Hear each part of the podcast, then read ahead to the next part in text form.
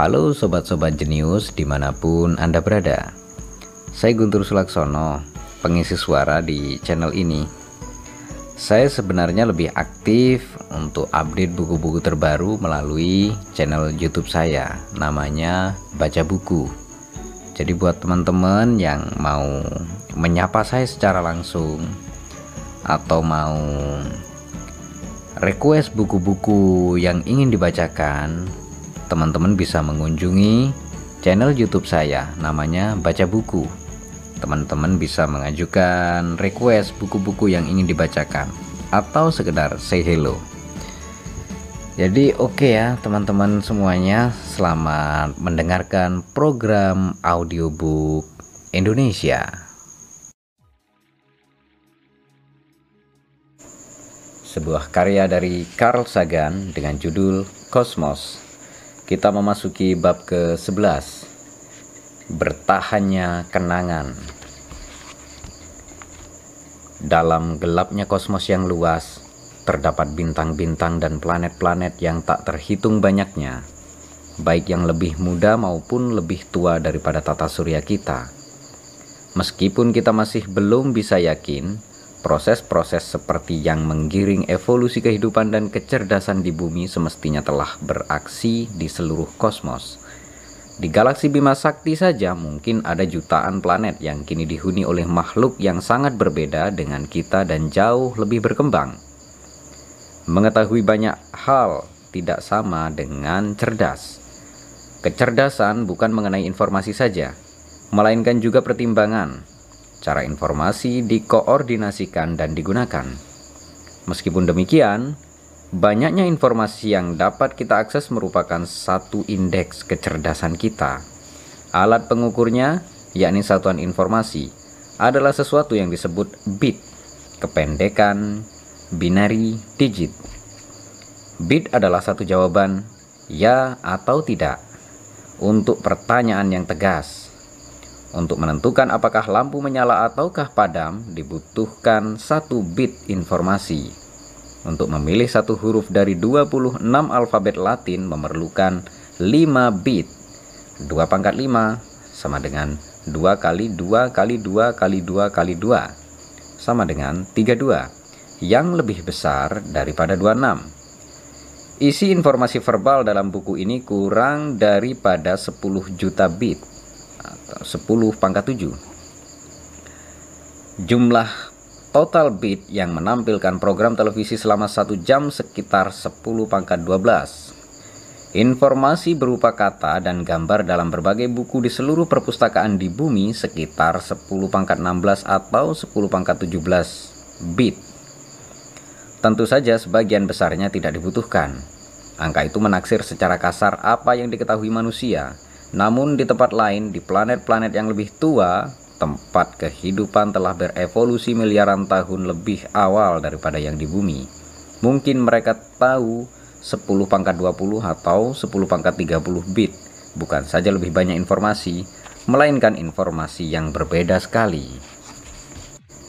Dari jutaan planet yang dihuni makhluk dengan kecerdasan yang telah berkembang, bayangkan suatu planet langka satu-satunya di dalam tata surya yang memiliki lautan air di permukaannya.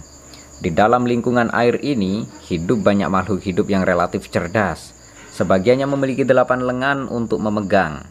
Makhluk lainnya berkomunikasi di antara sesamanya dengan cara mengubah pola terang dan gelap yang rumit di tubuhnya. Bahkan makhluk-makhluk kecil cerdik dari daratan yang terjun ke lautan dalam wadah kayu atau logam. Tapi kita mencari makhluk cerdas yang dominan, makhluk paling hebat di muka planet, penguasa kedalaman laut yang peduli dan menawan, paus yang amat besar. Paus adalah hewan terbesar yang pernah berevolusi di planet bumi, lebih besar daripada dinosaurus. Panjang paus biru dewasa bisa mencapai 30 meter, sedangkan bobotnya mencapai 150 ton. Banyak paus khususnya paus balin adalah perambah yang tenang, menembus luasnya lautan demi hewan-hewan kecil yang dimakannya. Paus lainnya memakan ikan dan krill. Paus adalah pendatang baru di laut. 70 juta tahun lalu nenek moyang mereka adalah mamalia karnivora yang berpindah dengan pelan dari daratan ke lautan. Induk paus menyusui dan mengasuh anak-anaknya. Masa kanak-kanak ketika paus dewasa mengajari paus muda berlangsung lama. Bermain adalah kegiatan yang sering dilakukan. Semua itu merupakan ciri mamalia, penting untuk perkembangan makhluk cerdas. Lautan itu gelap, penglihatan dan penciuman yang bekerja dengan baik bagi mamalia di darat tidak begitu berguna di kedalaman laut. Leluhur paus yang bergantung kepada kedua indera tersebut untuk mengetahui di mana pasangan, anak, atau pemangsanya tidak memiliki banyak keturunan. Jadi, metode lain disempurnakan melalui evolusi. Metode ini sangat cocok dan menjadi pusat pemahaman di antara paus. Indra yang baik untuk mengenali suara, Beberapa bunyi paus disebut lagu, tapi kita masih belum mengetahui karakter dan makna sebenarnya. Bunyi paus mencakup pita frekuensi yang lebar hingga di bawah nada terendah yang bisa dideteksi telinga manusia. Lagu paus biasanya berlangsung sekitar 15 menit, yang paling lama sekitar satu jam. Lagu itu sering kali diulang-ulang, tepat sama tempo demi tempo, ketukan demi ketukan, nada demi nada. Kadang-kadang sekelompok paus meninggalkan perairan musim dingin mereka di tengah-tengah lagu dan enam bulan kemudian kembali untuk melanjutkan di not yang benar-benar tepat. Seakan-akan tidak pernah disela. Paus sangat pandai mengingat. Seringkali ketika mereka kembali, vokalisasinya telah berubah. Lagu-lagu baru muncul di tangga lagu populer Paus. Anggota-anggota kelompok paus itu acap kali bersama-sama menyanyikan lagu yang sama, berdasarkan kesepakatan bersama, yaitu penggubahan lagu secara bersama-sama. Nyanyian itu berubah dari bulan ke bulan, secara perlahan dan dapat diperkirakan. Vokalisasi-vokalisasi ini rumit. Bila nyanyian paus bungkuk diungkapkan dalam bahasa nada, total isi informasinya, yaitu jumlah bit informasi dalam lagu tersebut sekitar 10 pangkat 6 bit kira-kira sama dengan kandungan informasi dalam Ilyas atau Odisseia. Kita tidak mengerti apa yang perlu diperbincangkan atau dinyanyikan oleh paus atau sepupu mereka, lumba-lumba. Mereka tidak memiliki organ-organ untuk memanipulasi. Mereka tidak membuat konstruksi bangunan, tapi mereka adalah makhluk sosial. Mereka berburu, berenang, mencari ikan, melihat-lihat, bersenang-senang, kawin, bermain, kabur dari pemangsa, ada banyak sekali yang bisa diperbincangkan. Bahaya utama dari bagi paus adalah pendatang baru, hewan yang baru muncul, yang belakangan menjadi kompeten di lautan melalui teknologi, yaitu makhluk yang menyebut dirinya manusia. Selama 99,99% sejarah paus, tidak ada manusia di dalam atau di atas lautan. Selama periode itu, paus mengembangkan sistem komunikasi audio yang luar biasa. Paus sirip misalnya memancarkan bunyi yang amat keras di frekuensi 20 Hz, mendekati oktav terendah tuts piano. Hertz adalah satuan frekuensi bunyi yang menunjukkan satu gelombang suara. Satu puncak dan satu lembah gelombang yang memasuki telinga Anda setiap detik. Bunyi dengan frekuensi sedemikian rendah nyaris tak terserap oleh air laut Pakar biologi Amerika bernama Roger Payne telah menghitung bahwa dengan menggunakan saluran bunyi di perairan dalam, dua paus pada prinsipnya dapat saling berkomunikasi di frekuensi 20 Hz di mana pun mereka berada. Salah satu paus mungkin berada di Betting S. Ross di Antartika dan berkomunikasi dengan paus lainnya yang berada di Kepulauan Aleut. Pada sebagian besar masa lalu mereka, Paus mungkin telah membentuk jejaring komunikasi global, barangkali meski terpisah jarak 15.000 km. Vokalisasi mereka adalah nyanyian cinta yang disiarkan dengan penuh harapan ke luasnya lautan dalam. Selama puluhan juta tahun, makhluk yang amat besar, cerdas, dan komunikatif ini pada dasarnya berevolusi tanpa musuh alami. Kemudian berkembang kapal uap pada abad ke-19 menjadi sumber polusi suara karena kapal-kapal komersial dan militer menjadi semakin banyak, derau latar belakang di lautan, khususnya yang berfrekuensi 20 Hz, menjadi makin banyak. Paus-paus yang berkomunikasi melintasi lautan mestinya telah mengalami kesulitan yang semakin bertambah. Jarak yang masih bisa dijangkau komunikasi mestinya telah berkurang. 200 tahun lalu, jarak yang biasanya dapat dijangkau oleh komunikasi paus sirip mungkin 10.000 km. Kini jarak tersebut mungkin menjadi hanya beberapa ratus kilometer. Apakah paus-paus saling mengenali nama? Dapatkah mereka mengenali satu sama lain hanya dari suara? kita telah memutuskan komunikasi paus dengan sesama mereka. Makhluk yang berkomunikasi selama puluhan juta tahun kini secara efektif telah dibungkam. Dan kita telah melakukan hal yang lebih buruk daripada itu. Karena hingga kini tetap ada perdagangan ilegal bangkai paus. Ada orang-orang yang memburu dan membunuh paus lalu memasarkan produk-produk untuk pemulas bibir atau minyak pelumas untuk penggunaan di industri. Banyak negara yang memahami bahwa pembunuhan sistematis makhluk cerdas ini tidaklah manusiawi. Tapi perdagangan ilegal itu tetap berlanjut, yang didukung utamanya oleh Jepang, Norwegia, dan Uni Soviet. Kita, manusia sebagai spesies, tertarik kepada komunikasi dengan makhluk cerdas di luar bumi.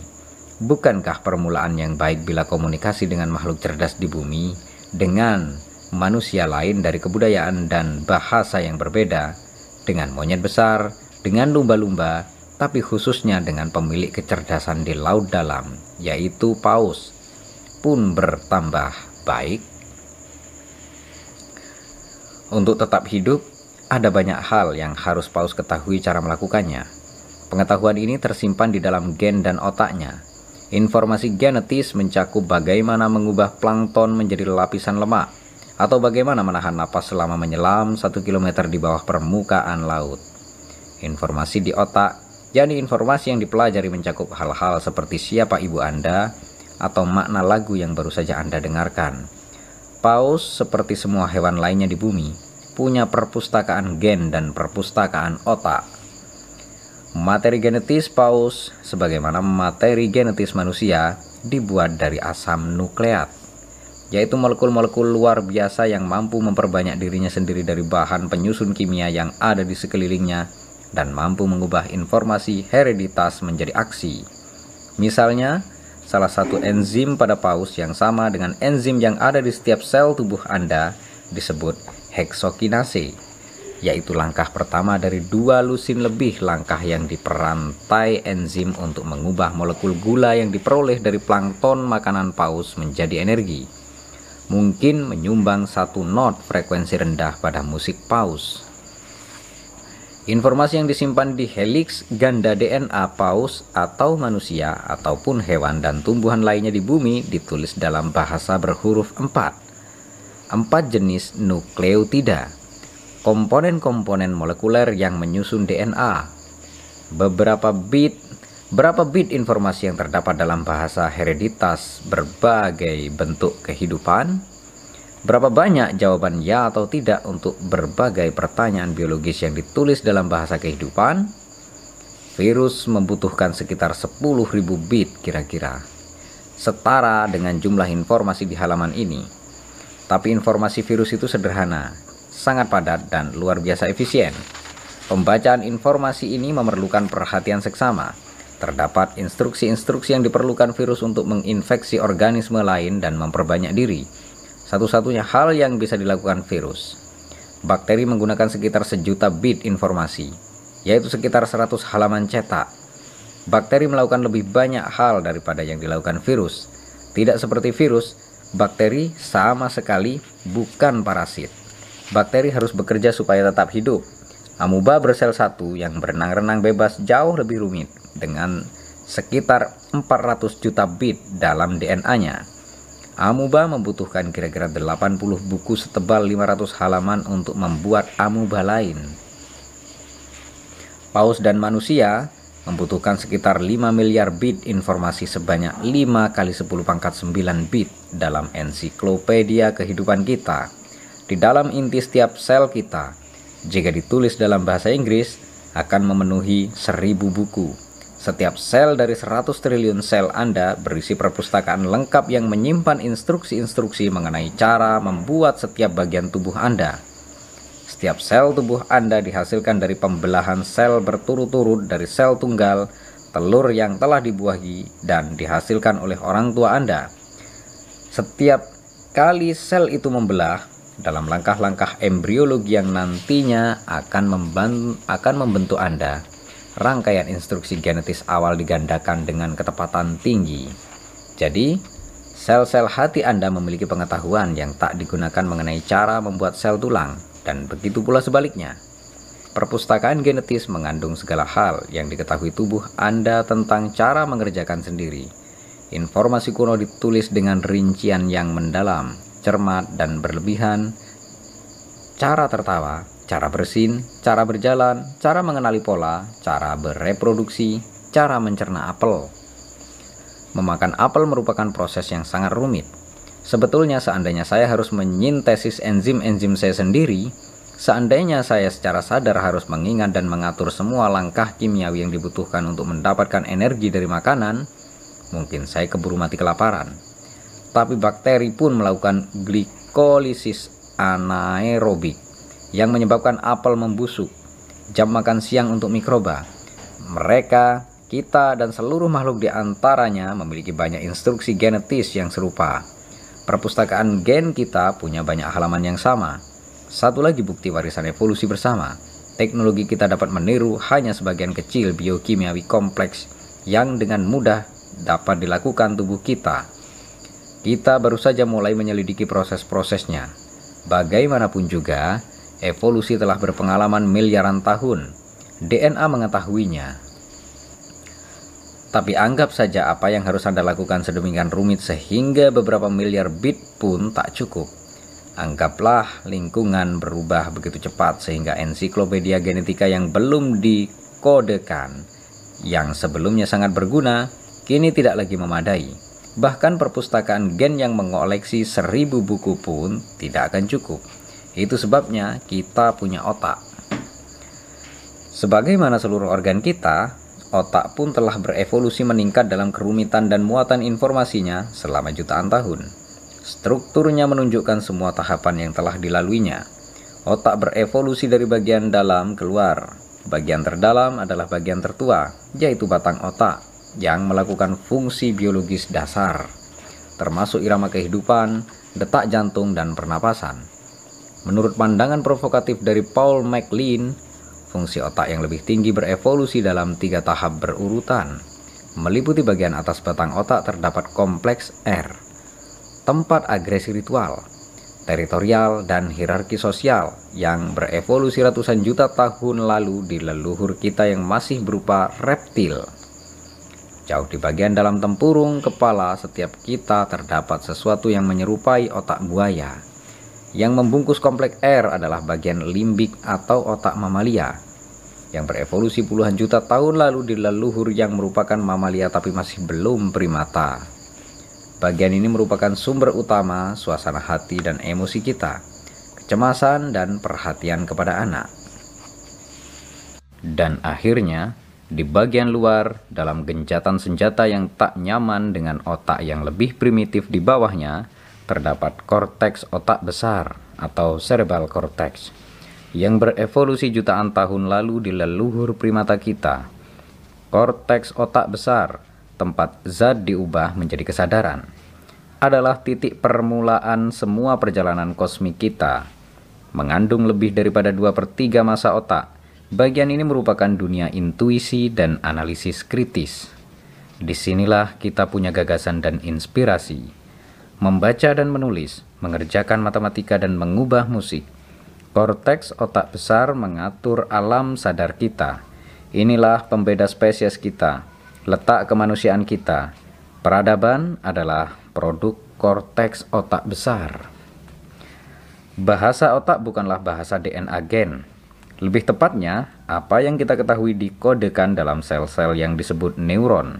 Elemen-elemen saklar elektrokimia berukuran mikroskopis, biasanya berukuran beberapa per 100 mm.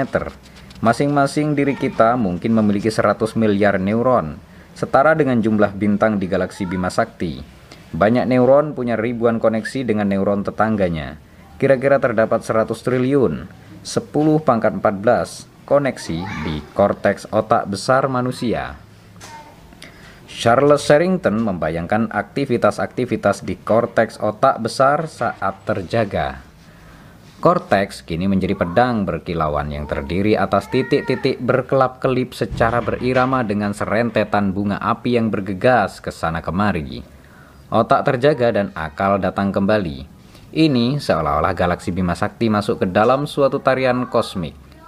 Korteks pun segera menjadi berkakas tenun ajaib tempat jutaan pintalan yang berkelap-kelip menenun pola yang memudar Senantiasa pola yang bermakna meskipun tidak pernah kekal. Harmoni subpola yang berubah-ubah. Kini setelah tubuh bangun, subpola harmoni aktivitas ini menuju lintasan gelap otak bagian bawah. Rangkaian bunga api yang berkelap-kelip dan bergerak menggunakan koneksi-koneksinya. Artinya, tubuh bangun dan bangkit untuk menghadapi hari. Ketika tidur pun otak juga berdenyut berdegup dan berkedip-kedip dengan urusan kehidupan manusia yang rumit, bermimpi, mengingat, memecahkan masalah. Pemikiran kita, pandangan, dan khayalan memiliki realitas fisik. Pikiran terdiri atas ratusan impuls elektrokimia. Seandainya kita mengecil hingga sekecil neuron, kita akan menyaksikan pola-pola yang rumit, ruwet, dan cepat menghilang. Salah satu pola mungkin adalah percikan ingatan mengenai wangi bunga lilek di jalan pedesaan semasa kanak-kanak. Pola lain mungkin adalah bagian pengumuman penting di seluruh jaringan, di mana saya meletakkan kunci. Terdapat banyak lembah dalam pegunungan akal, kelokan-kelokan yang menambah luas permukaan korteks otak besar untuk tempat untuk tempat penyimpanan informasi dalam tempurung kepala yang berukuran terbatas. Neurokimia otak sangatlah sibuk. Sirkuit mesin yang sirkuit mesin yang lebih mengagumkan daripada sirkuit apa pun buatan manusia. Tapi tidak ada bukti bahwa fungsinya disebabkan oleh lebih daripada 10 pangkat 14 koneksi saraf yang membangun arsitektur kesadaran yang elegan. Dunia pemikiran dibagi menjadi kira-kira dua belahan. Belahan kanan korteks otak besar bertanggung jawab atas pengenalan pola, intuisi, kepekaan, kreativitas. Belahan kiri berkuasa atas proses berpikir rasional, analitis dan kritis. Kedua belahan merupakan kekuatan ganda, sangat berlawanan yang mencirikan proses berpikir manusia. Secara berbarengan, keduanya memberikan sarana baik untuk membangkitkan gagasan maupun untuk menguji validitasnya. Dialog terus-menerus berlangsung antara kedua belahan otak, dialirkan melalui ikatan saraf, yaitu korpus kalosum, jembatan antara kreativitas dan analisis yang keduanya diperlukan untuk memahami dunia. Muatan informasi otak manusia kalau dinyatakan dalam bit mungkin setara dengan jumlah keseluruhan koneksi antar neuron, sekitar 10 pangkat 14 bit. Jika ditulis dalam bahasa Inggris, informasi tersebut akan memenuhi sekitar 20 juta buku, sama dengan jumlah buku dalam perpustakaan-perpustakaan terbesar di dunia. Isi kepala masing-masing kita setara dengan 20 juta buku. Otak adalah tempat yang sangat besar dalam ruang yang amat kecil Sebagian besar buku di dalam otak berada di dalam korteks otak besar. Jauh di dasar terdapat fungsi-fungsi yang sangat dibutuhkan. Leluhur jauh kita, agresi, membesarkan anak, rasa takut, seks, kemauan untuk mengikuti pemimpin tanpa berpikir. Di antara fungsi-fungsi yang lebih tinggi, beberapa di antaranya yaitu untuk membaca, menulis, dan berbicara. Sepertinya dilokalisasi di tempat khusus di dalam korteks otak besar. Di lain pihak, ingatan disimpan di lain pihak, ingatan disimpan secara berlebihan di banyak tempat. Seandainya telepati ada, salah satu keunggulannya adalah kesempatan bagi masing-masing kita untuk membaca buku-buku di dalam korteks otak besar orang-orang yang kita sayangi. Tapi tidak ada bukti yang meyakinkan mengenai telepati dan komunikasi informasi semacam itu tetap menjadi pekerjaan seniman dan penulis. Otak melakukan lebih banyak hal daripada sekedar mengingat. Otak membandingkan mensintesis, menganalisis, dan memunculkan abstraksi. Kita harus memahami lebih banyak daripada yang dapat diketahui oleh gen. Itu sebabnya mengapa perpustakaan otak 10.000 kali lebih besar daripada perpustakaan gen. hasrat kita untuk belajar tampak jelas pada perilaku anak-anak. Adalah alat untuk bertahan hidup. Emosi dan pola-pola perilaku ritual dibangun jauh di dalam diri kita. Hal-hal itu adalah bagian kemanusiaan kita, tapi bukan ciri khas manusia. Banyak binatang lain yang punya perasaan. Yang membedakan spesies kita adalah akal. Korteks otak besar adalah suatu pembebasan kita tidak perlu lagi terperangkap dalam pola-pola perilaku yang diwariskan secara genetis seperti yang dialami kadal dan babun. Kita masing-masing diri kita bertanggung jawab atas apa yang masuk ke dalam otak kita. Dan sebagai orang dewasa bertanggung jawab atas apa yang akhirnya kita pedulikan dan ketahui. Tanpa bergantung kepada otak reptil kita bisa mengubah diri sendiri. Kebanyakan kota besar di dunia telah tumbuh tanpa arah, sedikit demi sedikit untuk menanggapi kebutuhan tiap zaman. Jarang sekali suatu kota direncanakan untuk hal-hal yang jauh pada masa depan. Evolusi kota menyerupai evolusi otak, berkembang dari pusat lalu perlahan tumbuh dan berubah, membiarkan bagian-bagian tuanya masih berfungsi. Evolusi tidak mungkin membuang bagian dalam otak yang sudah kuno karena ketidaksempurnaannya dan menggantinya dengan hasil manufaktur yang lebih modern. Otak mesti terus berfungsi selama renovasi. Itu sebabnya batang otak kita dilingkupi oleh kompleks R, lalu sistem limbik dan akhirnya korteks otak besar. Bagian-bagian yang tua bertanggung jawab atas fungsi-fungsi mendasar yang jumlahnya terlalu banyak sehingga tidak mungkin diganti secara bersamaan. Bagian-bagian itu pun tetap bekerja dengan terengah-engah, kuno dan kadangkala tidak produktif, tapi suatu konsekuensi yang diperlukan dalam evolusi kita. Di kota New York, penataan jalan-jalan utama telah dilakukan sejak abad ke-17, bursa saham sejak abad ke-18, penataan pasokan air sejak abad ke-19, sistem perlistrikan sejak abad ke-20, Pengaturan mungkin akan lebih efisien bila seluruh sistem sipil dibangun secara paralel dan diganti secara berkala. Itu sebabnya mengapa bencana kebakaran, misalnya kebakaran besar di London dan Chicago kadang-kadang membantu perencanaan kota. Tapi pertambahan fungsi-fungsi baru secara perlahan memungkinkan kota bisa berjalan secara berkesinambungan selama berabad-abad. Pada abad ke-17, anda bepergian dari Brooklyn ke Manhattan di seberang East River dengan kapal feri. Pada abad ke-19, tersedia teknologi untuk membangun jembatan gantung melintasi sungai. Jembatan ini dibangun tepat di lokasi terminal feri, karena pemerintah kota memiliki lahan di sana dan karena kebanyakan penumpang telah terbiasa dengan pelayanan feri yang sudah ada. Kemudian, ketika pembangunan terowongan bawah sungai telah dimungkinkan, Terowongan ini pun dibangun di lokasi yang sama dengan alasan yang sama pula. Dan juga karena rintisan terowongan yang kecil dan terabaikan disebut caisson telah diletakkan selama pembangunan jembatan. Penggunaan dan penyusunan ulang sistem terdahulu untuk tujuan-tujuan baru semacam ini sangat mirip dengan pola evolusi biologis. Ketika gen-gen kita tidak dapat menyimpan semua informasi yang dibutuhkan untuk hidup, Perlahan kita menciptakannya sendiri.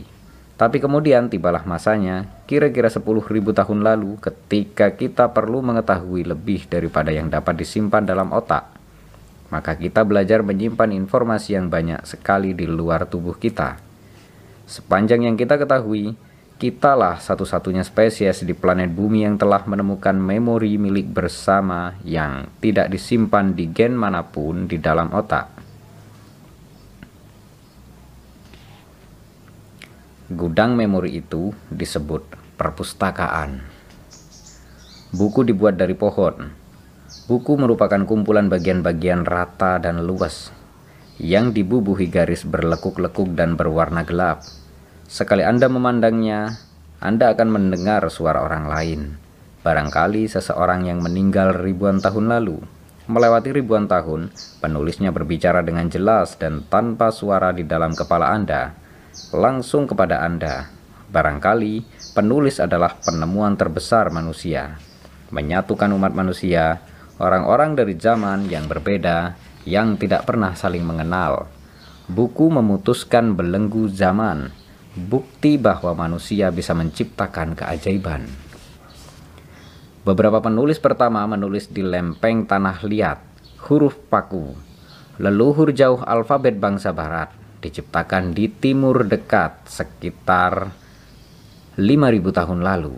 Kegunaannya adalah untuk mencatat pembelian biji-bijian, penjualan tanah, kemenangan raja, peraturan pendeta, posisi bintang, doa kepada para dewa.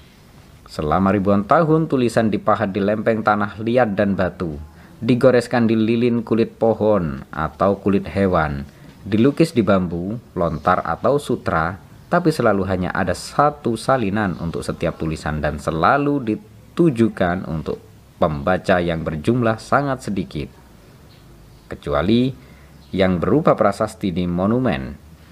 Lalu di Tiongkok antara abad kedua dan keenam Kertas, tinta, dan pencetakan dengan menggunakan balok kayu berukir ditemukan sehingga suatu karya dapat diperbanyak dan diedarkan. Gagasan ini membutuhkan waktu seribu tahun untuk mencapai Eropa yang jauh dan terbelakang. Lalu, tiba-tiba buku dicetak di seluruh dunia. Tepat sebelum penemuan huruf cetak yang bisa dipindahkan, yaitu sekitar tahun 1450, di seluruh Eropa hanya ada tak lebih dari beberapa puluh buku. Semuanya ditulis tangan. Kira-kira sebanyak buku di Tiongkok pada 100 sebelum masehi dan sepersepuluh jumlah buku di perpustakaan Alexandria. 50 tahun kemudian, sekitar tahun 1500, terdapat 10 juta buku cetak. Pembelajaran telah tersedia bagi siapa saja yang bisa membaca. Keajaiban ada di mana-mana. Baru-baru ini, buku, khususnya buku bersampul lunak, telah dicetak dalam edisi murah secara besar-besaran. Dengan harga setara seporsi makanan sederhana, Anda bisa merenungkan kemerosotan dan kejatuhan kerajaan Romawi, asal-usul spesies, tafsir mimpi, sifat benda. Buku itu seperti benih. Buku bisa tergeletak terlantar selama berabad-abad lalu berbunga di tanah yang tak terduga. Perpustakaan-perpustakaan besar di dunia berisi jutaan buku, setara dengan sekitar 10 pangkat 14 bit informasi berupa kata-kata, dan kira-kira 10 pangkat 15 bit bila berupa gambar. Informasi, jumlah informasi ini 10.000 kali lebih banyak daripada yang ada di dalam gen kita dan sekitar 10 kali lebih banyak daripada yang ada di dalam otak kita. Bila saya selesai membaca satu buku dalam waktu seminggu, saya hanya akan membaca beberapa ribu buku seumur hidup saya. Sekitar sepersepuluh persen isi perpustakaan terbesar pada zaman kita. Rahasianya adalah mengetahui buku-buku mana saja yang harus dibaca. Informasi dalam buku tidak tak berubah sejak dibuat tapi terus-menerus berubah. Diperbaiki oleh terjadinya peristiwa, beradaptasi dengan dunia. Kini telah 23 abad sejak berdirinya perpustakaan Alexandria. Seandainya tidak ada buku, tidak ada catatan tertulis, bayangkan seperti apa masa selama 23 abad. Dengan empat generasi setiap abadnya, 23 abad meliputi hampir 100 generasi umat manusia. Seandainya informasi hanya bisa diteruskan melalui kata-kata yang diucapkan, alangkah sedikitnya yang kita ketahui tentang masa lalu alangkah lambatnya kemajuan kita. Segalanya akan tergantung kepada penemuan-penemuan kuno yang tak sengaja diberitahukan kepada kita dan keakuratan informasi tersebut. Informasi masa lalu mungkin akan dihormati, tapi akibat penceritaan ulang berturut-turut, informasi itu makin lama makin campur, makin campur aduk dan akhirnya lenyap. Buku memungkinkan kita bertualang melintasi waktu dan menyadap kebiasaan leluhur kita. Perpustakaan menghubungkan kita dengan wawasan dan pengetahuan. Yang dengan susah payah disarikan dari alam, pemikiran terbesar yang pernah ada, dengan guru-guru terbaik, diambil dari seluruh bagian bumi dan dari seluruh masa lalu kita, untuk mengajari kita tanpa lelah, dan untuk menginspirasi kita supaya ikut menyumbang kepada pengetahuan umum umat manusia perpustakaan-perpustakaan umum hanya bergantung kepada kontribusi sukarela. Menurut saya, kesejahteraan peradaban kita, kedalaman pemahaman kita atas tiang penopang kebudayaan, dan perhatian kita terhadap masa depan dapat ditakar berdasarkan seberapa baik kita mendukung perpustakaan kita. Seandainya bumi dibuat ulang dengan ciri-ciri fisik yang sama, sangatlah kecil kemungkinan sesuatu yang menyerupai manusia akan muncul lagi. Terdapat sifat acak yang kuat dalam proses evolusi. Seberkas sinar kosmik yang mengenai gen yang berbeda menghasilkan mutasi yang berbeda. Mungkin saja tidak terlalu kentara pada awalnya, tapi berpengaruh besar kemudian. Faktor kebetulan mungkin berperan penting dalam biologi, sebagaimana dalam sejarah Semakin lampau peristiwa-peristiwa penting terjadi, semakin kuat pengaruhnya terhadap masa sekarang. Sebagai contoh, perhatikan tangan kita. Kita memiliki lima jari, termasuk jempol. Jari-jari itu sangat berguna bagi kita. Tapi menurut saya akan sama bergunanya bila ada enam jari termasuk jempol, atau empat jari termasuk jempol, atau malah lima jari dengan dua jempol. Pada hakikatnya, tidak ada yang hebat secara intrinsik di susunan khas jari kita, yang biasanya kita anggap alamiah dan tak terelakkan. Kita punya lima jari karena kita keturunan ikan zaman Devon yang memiliki lima tulang jari di siripnya. Seandainya kita keturunan ikan dengan empat atau enam tulang jari, kita akan punya empat atau enam jari di setiap tangan dan menganggapnya wajar. Kita menggunakan aritmetika basis 10 hanya karena kita punya 10 jari di tangan kita. Seandainya susunan jari berjumlah 8 atau 12, kita akan menggunakan ari, aritmetika berbasis 8 atau 12 yang dan menganggap aritmetika basis 10 sebagai matematika baru. Saya yakin hal yang sama juga berlaku di aspek-aspek mendasar lainnya yang berkaitan dengan keberadaan kita.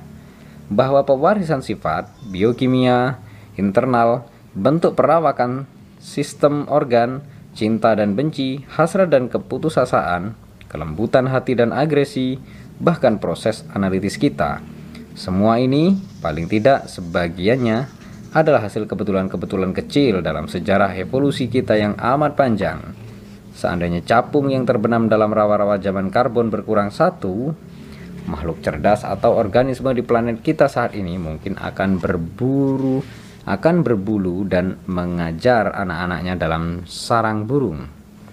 Pola hubungan sebab dan akibat evolusi adalah jaringan kompleksitas yang mengagumkan. Ketidaksempurnaan pemahaman kita membuat kita mesti merendah. 65 juta tahun lalu, leluhur kita adalah mamalia yang paling tidak meyakinkan. Makhluk sebesar dan secerdas tikus, mondok atau tupai. Butuh ahli biologi yang berani untuk menebak hewan menebak bahwa hewan tersebutlah yang akhirnya menghasilkan keturunan yang kini mendominasi bumi. Bumi kemudian akan penuh dengan kadal-kadal yang mengerikan tapi menakjubkan. Dinosaurus, suatu kelompok sangat besar yang memenuhi setiap relung ekologis. Ada reptil yang berenang, reptil yang terbang, dan reptil saja. Beberapa di antaranya setinggi gedung bertingkat 6 yang berjalan di permukaan bumi. Sebagian di antaranya punya otak yang agak besar, postur tegak, dan dua kaki depan berukuran kecil yang sangat menyerupai tangan. Digunakan untuk menangkap mamalia kecil dan gesit, mungkin termasuk leluhur jauh kita, untuk santapan makan malam.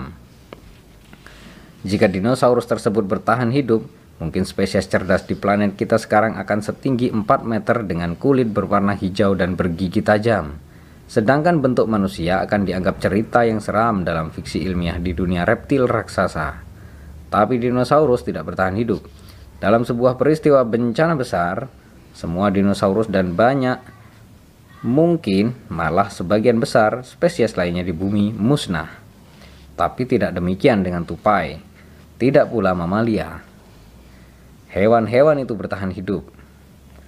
Tak seorang pun mengetahui apa yang memusnahkan dinosaurus satu gagasan yang kuat adalah bencana kosmik, ledakan bintang di dekat kita, supernova yang menghasilkan nebula, kepiting.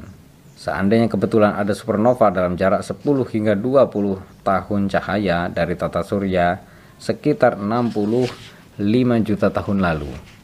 Supernova ini akan menyemburkan sinar kosmik yang sangat kuat ke antariksa dan sebagian sinar kosmik ini memasuki selubung udara bumi lalu membakar nitrogen di atmosfer bumi.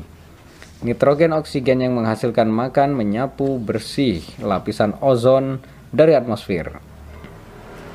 Mengingatkan radiasi ultraviolet matahari di permukaan lalu, memanggang, dan memutasi banyak organisme yang tak terlindungi dengan sempurna dari cara cahaya ultraviolet yang sangat kuat. Sebagian organisme itu mungkin merupakan makanan utama dinosaurus. Bencana, apa pun bentuknya yang telah menyingkirkan dinosaurus dari panggung dunia membuat mamalia tak lagi tertekan. Para leluhur kita tidak lagi hidup dalam ketakutan akan reptil-reptil yang rakus. Kita berkembang menjadi berjenis-jenis. 20 juta tahun lalu, leluhur dekat kita mungkin masih hidup di pohon, kemudian turun dari sana karena hutan berkurang selama zaman es dan digantikan oleh padang rumput. Tidak banyak gunanya mampu beradaptasi dengan kehidupan di pohon bila hanya ada sedikit pohon. Mestinya banyak primata pohon yang telah punah bersama dengan lenyapnya hutan. Sebagian primata meneruskan keberadaannya di tanah dan mampu bertahan hidup. Salah satu garis keturunannya berevolusi menjadi kita, Tak seorang pun mengetahui penyebab perubahan iklim tersebut. Barangkali perubahan kecil, kecerlangan matahari atau orbit bumi, atau letusan dahsyat gunung, berapi melontarkan debu halus ke stratosfer, memantulkan lebih banyak cahaya matahari ke antariksa, dan mendinginkan bumi. Mungkin perubahan iklim disebabkan oleh perubahan sirkulasi lautan, atau mungkin karena matahari melintasi awan debu galaksi Apa pun penyebabnya, sekali lagi kita melihat keterikatan antara keberadaan kita dengan peristiwa-peristiwa astronomis dan geologis yang acak. Setelah kita turun dari pohon ke tanah, kita berevolusi menjadi berpostur tegak. Tangan-tangan kita bebas. Kita bisa melihat dengan menggunakan kedua mata dengan sempurna. Kita telah memiliki banyak prasyarat untuk membuat peralatan membuat peralatan Kini terdapat keuntungan nyata dalam hal memiliki otak besar dan mengomunikasikan pemikiran-pemikiran yang rumit. Kalau kondisi lain, kalau kondisi lainnya sama, lebih baik menjadi pintar daripada menjadi bodoh. Makhluk-makhluk cerdas bisa memecahkan masalah dengan lebih baik, hidup lebih lama dan memiliki lebih banyak keturunan. Sebelum ditemukan senjata nuklir, kecerdasan sangat membantu kemampuan bertahan hidup. Dalam sejarah kita, Sekawanan mamalia kecil berambutlah yang menyembunyikan diri dari dinosaurus, mendiami puncak-puncak pohon, lalu turun untuk menjinakkan api. Kemudian menemukan lukit tulisan, membangun observatorium, dan meluncurkan pesawat antariksa. Jika hal-hal yang terjadi agak berbeda, mestinya makhluk lain yang punya kecerdasan dan kemampuan memanipulasilah yang akan mendapat pencapaian yang serupa. Mungkin saja dinosaurus bipedal bergerak dengan dua kaki yang cerdas, atau rakun, atau lingsang, atau cumi-cumi. Kiranya menyenangkan bila kita bisa mengetahui seberapa berbedakah makhluk cerdas lainnya itu. Maka itu kita meneliti paus dan kera besar. Bisa saja kita mempelajari sekilas mengenai macam-macam peradaban lainnya. Kita bisa mempelajari sejarah dan antropologi budaya. Tapi kita semua, paus, kera, manusia, terlalu erat kekerabatannya.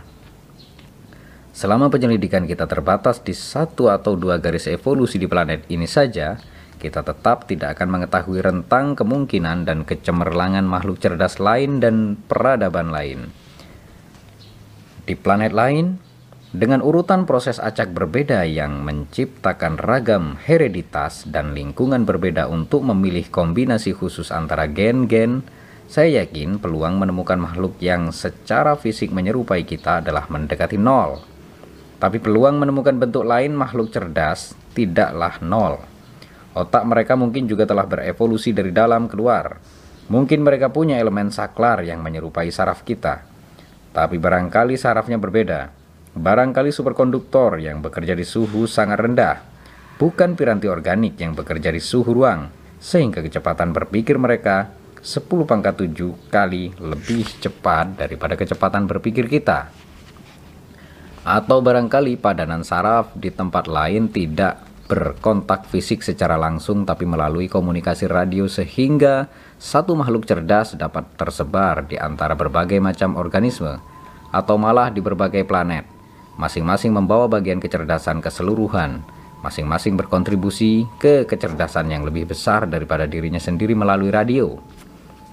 Mungkin ada planet-planet tempat makhluk-makhluk cerdas memiliki sekitar 10 pangkat 4 koneksi neuron seperti kita, tapi mungkin ada pula tempat-tempat dengan angka 10 pangkat 24 atau 10 pangkat 34.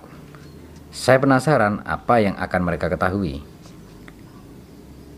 Karena kita mendiami alam semesta yang sama dengan mereka, kita dan mereka mestinya punya informasi penting yang sama. Bila kita bisa berhubungan dengan mereka, ada banyak hal dalam otak mereka yang menarik kita.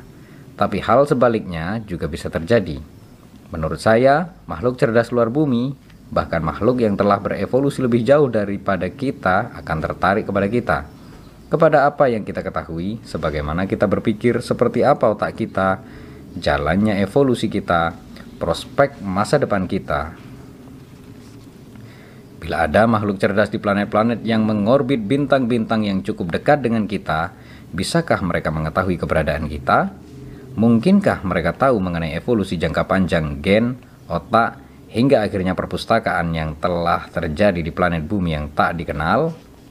Bila makhluk asing itu tidak ke mana-mana, setidaknya ada dua cara untuk mengetahui kita.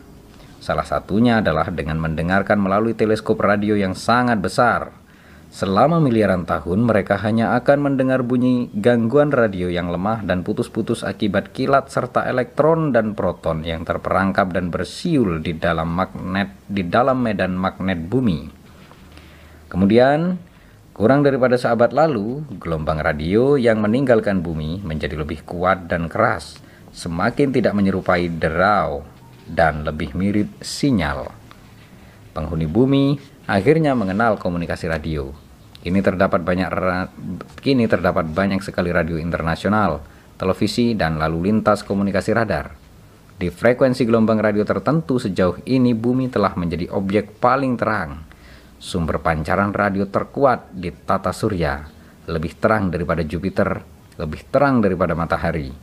Peradaban asing yang sedang memonitor emisi radio dari bumi dan menerima sinyal tersebut pasti akan menyimpulkan bahwa sesuatu yang menarik telah terjadi di sini belakangan ini.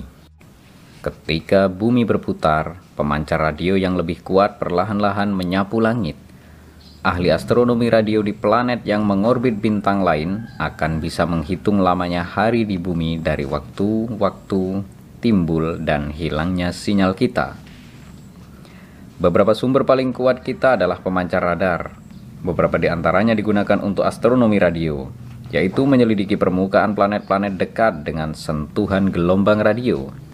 Ukuran pemancar radio yang diproyeksikan ke langit jauh lebih besar daripada ukuran planet, dan sebagian besar sinyal itu terus mengalun dari tata surya menuju kedalaman antariksa ke antena sensitif yang mungkin sedang mendengarkan.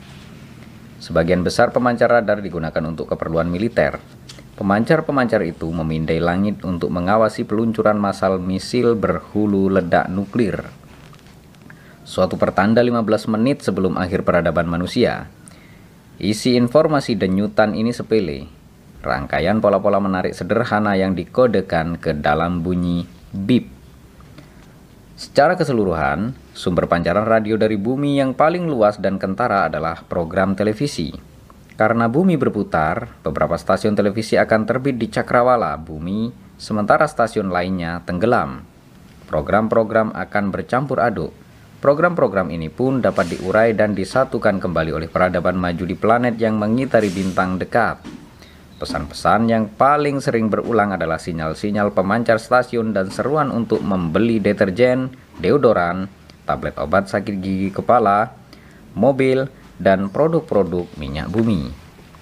Pesan-pesan yang paling dapat dideteksi adalah pesan-pesan yang disiarkan secara simultan oleh berbagai pemancar di berbagai zona waktu. Misalnya, pidato pada masa krisis internasional oleh Presiden Amerika Serikat atau kepala negara di Uni Soviet. Isi iklan televisi yang membosankan, kulit pembungkus krisis internasional, dan perang mematikan dalam keluarga umat manusia adalah pesan-pesan utama tentang kehidupan di bumi yang kita pilih untuk disiarkan ke kosmos. Mereka akan menganggap kita seperti apa?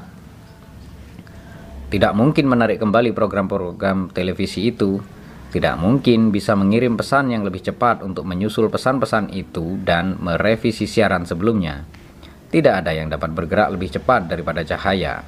Siaran televisi skala besar di planet bumi baru mulai pada akhir 1940-an. Dengan demikian, terdapat muka gelombang berbentuk bola yang berpusat di bumi, mengembang dengan kecepatan cahaya dan berisi program televisi untuk anak-anak Howdy Doody, pidato checker oleh Richard M. Nixon yang saat itu menjabat wakil presiden, dan inkuisi oleh Senator Joseph McCarthy yang disiarkan di televisi.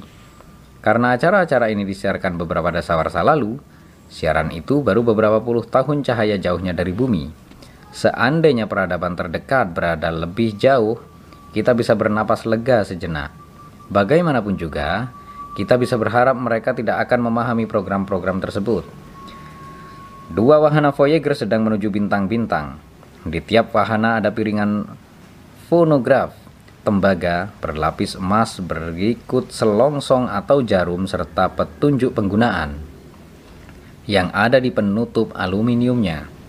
Kita mengirimkan pesan mengenai gen kita, tentang otak kita, dan tentang perpustakaan kita kepada makhluk lain yang mungkin mengarungi lautan ruang antar bintang. Tapi kita tidak ingin mengirim informasi ilmiah saja. Peradaban mana pun yang mampu mencegat Voyager di kedalaman ruang antar bintang yang pemancarnya telah lama rusak, kiranya mengetahui lebih banyak sains daripada kita. Sebaliknya, kita ingin memberitahu kepada makhluk-makhluk itu sesuatu yang tampak unik mengenai diri kita sendiri. Pentingnya korteks otak besar dan sistem limbik digambarkan dengan sangat baik. Kompleks R tidak banyak digambarkan. Meskipun penerima pesan tidak mengerti bahasa yang ada di bumi, kita memasukkan ucapan salam dalam 60 bahasa dan juga sapaan dari paus bungkuk. Kita mengirimkan foto-foto umat manusia dari seluruh dunia yang paling menyayangi, belajar, membuat peralatan dan seni serta menanggapi tantangan. Terdapat musik indah sepanjang satu setengah jam dan berasal dari banyak kebudayaan. Beberapa di antaranya mengungkapkan perasaan kesepian di alam semesta. Harapan kita untuk mengakhiri keterasingan, kerinduan kita untuk mengadakan hubungan dengan makhluk lain di kosmos. Dan kita telah mengirimkan rekaman suara-suara yang telah didengar di planet kita semenjak awal sebelum munculnya kehidupan hingga evolusi spesies manusia dan teknologi terkini yang berkembang pesat. Rekaman ini sama seperti nyanyian paus, adalah lagu cinta yang dikirimkan ke kedalaman yang membentang. Banyak, barangkali malah sebagian besar, Pesan kita tidak akan dapat dipecahkan, tapi kita telah mengirimnya karena mencoba itu penting. Dengan semangat ini kami memasukkan pemikiran dan perasaan seseorang ke dalam wahana Voyager. Aktivitas listrik otak, jantung, mata, dan ototnya yang direkam selama satu jam diterjemahkan ke dalam suara. Waktunya dimampatkan dan disertakan dalam piringan emas Voyager. Dalam pengertian tertentu, kita telah meluncurkan ke kosmos. Terjemahan langsung pemikiran dan perasaan seorang manusia pada bulan Juni 9, tahun 1977 di planet bumi. Mungkin si penerima pesan tidak akan mendapatkan apa-apa, atau mengiranya rekaman pulsar yang sekilas terdengar mirip. Atau barangkali peradaban yang jauh lebih maju daripada peradaban kita akan mampu menerjemahkan rekaman pemikiran dan perasaan itu dan menghargai upaya-upaya kita berbagi dengan mereka. Informasi di dalam gen-gen kita sangatlah tua, sebagian besar lebih daripada jutaan tahun, sebagiannya malah miliaran tahun. Sebaliknya, informasi di dalam buku paling tua berumur ribuan tahun, dan informasi di dalam otak kita hanya berumur puluhan tahun. Umur panjang bukanlah ciri informasi manusia, karena erosi di bumi Monumen-monumen dan artefak-artefak kita secara alamiah tidak akan bertahan hingga jauh ke masa depan. Tapi piringan emas, Voyager, sedang dalam perjalanan keluar dari tata surya. Erosi di ruang antar bintang, terutama akibat sinar kosmik dan bulir-bulir debu yang menumbuk, sangatlah pelan sehingga informasi di dalam piringan akan tetap ada selama miliaran tahun Gen dan otak serta buku menyimpan informasi secara berbeda dan bertahan melewati waktu dengan laju yang berbeda. Tapi bertahannya kenangan spesies manusia akan jauh lebih lama di alur-alur logam yang ditorehkan di piringan emas antar bintang Voyager. Pesan Voyager sedang berkelana dengan amat pelan. Objek tercepat yang pernah diluncurkan oleh manusia itu masih membutuhkan waktu puluhan ribu tahun untuk menempuh jarak ke bintang terdekat. Program televisi akan melintasi jarak yang ditempuh Voyager selama bertahun-tahun dalam hitungan jam. Siaran televisi yang baru saja selesai diudarakan hanya dalam waktu beberapa jam akan menyusul wahana Voyager di daerah Saturnus dan lebih jauh lagi, lalu melaju keluar menuju bintang-bintang.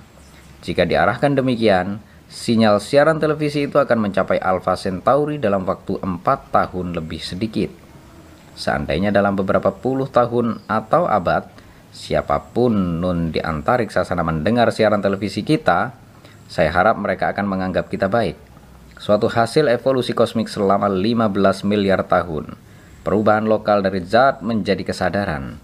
Kecerdasan kita belakangan ini telah menyediakan kekuatan hebat.